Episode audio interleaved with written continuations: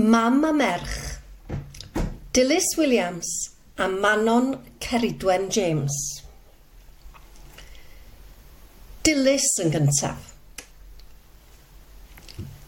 Fel fy mam a'i mam hithau, yn Lerpwl y cefais fy ngeni, roedd fy hen nain a thaid wedi dod o Gymru i weithio yn y ddinas, ac yno magwyd fy nain, cyn cyfarfod a phriodi fy nhaid – oedd yno'n gweithio fel newyddiadurwr.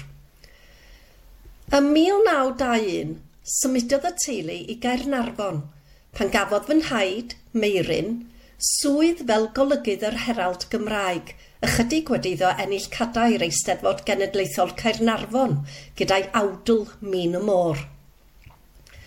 Fe ddychwelodd mam i Lerpwl i ddilyn cwrs nyrsio a chyfarfod fy nhad oedd yn astudio fferylliaeth.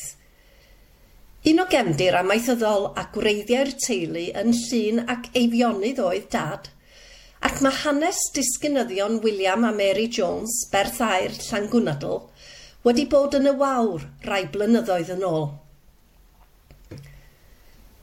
Pan oeddwn yn bedair oed, symudon ni o Lerpwl i Gricieth, lle braf iawn i fod yn blentyn yn y 50au. Gan ein bod yn byw tu ôl i'r fferyllfa, roedd yn rhaid gweithio yno pan yn ddigon hen. Ond roedd yna fanteision, dim llawer o genod ifanc fyddai'n mynd allan yn drewi o Chanel. Ar ôl bod yn ysgol criceth ac yna ysgol eifionydd ym Mhorthmadog, i Gardydd am gyfnod cyn symud i Lundain lle wnes i gyfarfod am gŵr Brian, oedd yn dod o forfa nefyn – ac yn gweithio i gwmni adeiladu. Ar ôl priodi, fe o mi fyw i gwm tawe, ac yno ganwyd ein plant Manon a Glyn. Wedi cyfnod hapus yn ardal Pont Ardawe, daeth cyfle i symud i bwllheli ac yna nefyn, a braf oedd i'r plant fod yn nes at ei neiniau a'i teidiau. Bym yn gweithio bron i 30 mlynedd i'r awdurdod iechyd, yn yr uned iechyd ym Mhwllheli ac yna ysbyty Bryn Beryl, gan fwynhau'r gwaith ar gwmnïaeth. Dwi'n mwynhau teithio ac wedi cael gwyliau difyr yma a thramor, gan gynnwys ymweld ag Awstralia, lle mae Glyn wedi byw ers bron i 15 mlynedd. Rwy'n aelod o Ferched y Wawr Nefyn ers rhyw 30 mlynedd ac wedi bod yn llywydd ac ysgrifennydd yn y gorffennol ac yn ôl yn ysgrifennydd ers 2008. Criw bach hapus yda ni yn mwynhau cymdeithasu. Rwy'n ysgrifennydd cyfeillion Plas Hafan Nefyn ers 1976. Ond mae cyfyngiadau Covid wedi amharu ar weithgareddau'r cyfeillion hefyd. Yn yr un modd, dwi ddim chwaith wedi bod yn nofio, na mynd i yoga, na chyfarfod â ffrindiau am ginio, na mynd i nant gwtheir i siarad â dysgwyr, na chael y cyfle i wirfoddoli'n rheolaidd yn amgueddfa forwrol llun. Rhaid cyfaddau fy mod wedi mwynhau cael amser yn ystod y, ystod y pandemig i wneud croeseiriau a sudoku, darllen a dysgu Sbeineg ar y we, astudio hanes teulu ac wrth gwrs, dilyn tudalen curo'r corona'n coginio, gan fy mod yn hoff o goginio. Mae pobl eraill yn deud fod Manon a Finau yn debyg yn lleisiol ac mewn edrychiad. Ac rydyn ni wedi dod ymlaen yn dda gyda'n gilydd erioed. Bydd hi a'r teulu yn dod draw reit aml a byddwn yn mwynhau ei cwmni bob amser. Mae Brian a Finau yn falch iawn o Manon a'i llwyddiannau ac wedi ceisio ei chefnogi ym mhob ffordd posib. Ar ôl poeni be mae hi am ddeud amdano ni yn ei ffrigethau, rwan Rydyn ni'n dechrau poeni be mae hi am ddeud mewn stand-up.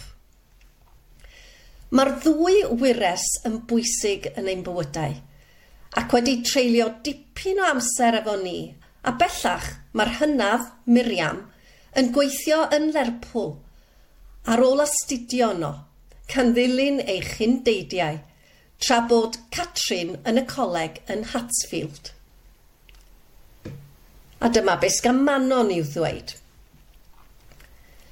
Gradd yn y dyniaethau ym Mhrifysgol De Cymru Pontypridd sydd gen i, a braf oedd medru astudio ystod eang o bynciau, ac yn y pen draw, setlo ar cymdeithaseg, astudiaethau merched ac astudiaethau crefyddol, pwnc yr oeddwn wedi ei ollwng cyn lefel o'n yr ysgol. Yr oeddwn i'n weithgar iawn yn yr undeb Cresnogol – ac fe dreuliais nifer o wyliau yn gwneud gwaith cenhadol a dyngarol. Ar y pryd, roeddwn yn fwy efengylaidd na rwan. Wrth fynychu'r ymgyrch y lan môr efo Scripture Union fel plentyn yn nefyn, cefais fy nghyflwyno i'r syniad o berthynas efo Iesu a Dyw oedd yn gariadus ac yn fyw, efo diddordeb yn ein bywydau bob dydd.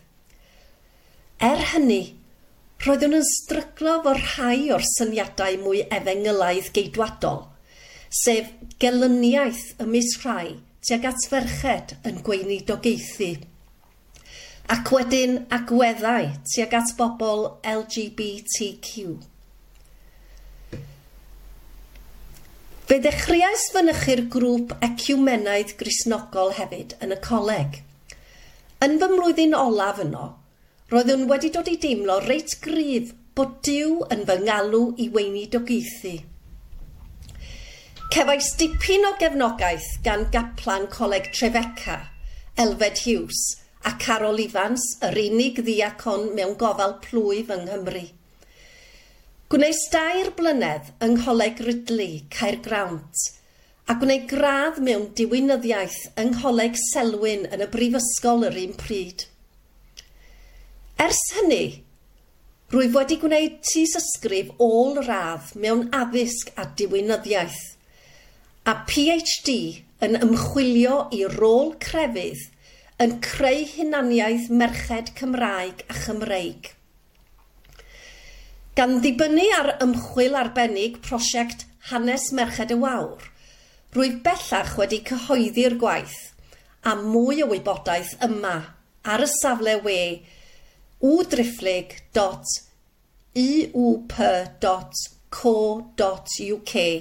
slice Manon James on Women, Identity and Religion in Wales. Ers 1994, rwyf wedi fy ordeinio yn ddiacon ac yn offeiriad ers 25 mlynedd. Ers 2018, rwyf wedi bod yn gweithio fel dion hyfforddiant cychwynnol gweinidogion yn athrofa Padarn Sant Llandaf, yn gyfrifol am gwrs gradd a'r rhaglen hyfforddiant ar gyfer y weinidogaeth yn yr Eglwys yng Nghymru. Peidiwch â choelio rhai sy'n ceisio dweud fod pethau'n anobeithiol ar grisnogaeth a bod niferoedd yn mynd i lawr ella fod gwirionedd yn hyn ynglyn â nifer sy'n mynychu ar y sil, ond mae tua hanner cant yn hyfforddi ar gyfer y weinidogaeth a thua 170 yn astudio diwinyddiaeth ar gwrs rhan amser ar hyd a lled Cymru. Mae jyglo gwaith a bywyd personol a theuluol bob amser yn her. Ar y funud, Dwi'n treulio hanner fy wythnos yng Nghaerdydd a hanner yn ein cartref yn Abergele.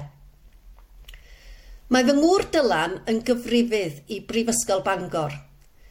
Mae fy merched, Miriam a Catrin, wedi gadael cartref am llusfab Harry yn bymtheg. Yn ein hamser hamdden, byddwn yn mwynhau mynychu gigiau comedi, cyngherddau a gwyliau cerddoriaeth. Dwi hefyd yn ysgrifennu barddoniaeth, ac wedi cyhoeddi rhai mewn sawl cilchgram ac wedi trio stand-up a gobeithio gwneud mwy. Dwi wrth fy modd hefyd ym mynychu gemau peldroed yn cefnogi Cymru, Lerpwl a Wrexham, a be fiasau'n dod ar pleser mwyaf i mi fiasau gweld Cymru yn ennill ei gemau ail gyfle i fynd â ni i gwpan y byd. Mae'r byd yn dibrisio cyfraniad merched, ond mae merched o bob oed efo cymaint o ddoethineb a phrofiad i'w gynnig. Eisoes, mae merched y wawr ar flaen y gad ar nifer o faterion cyhoeddus pwysig, ac mae hyn yn dda i'w weld ac yn ysbrydoledig yn wir. Felly, parhewch i wneud y pethau gwych yma – boed o yn eich teuluoedd, cymdeithas neu genedl.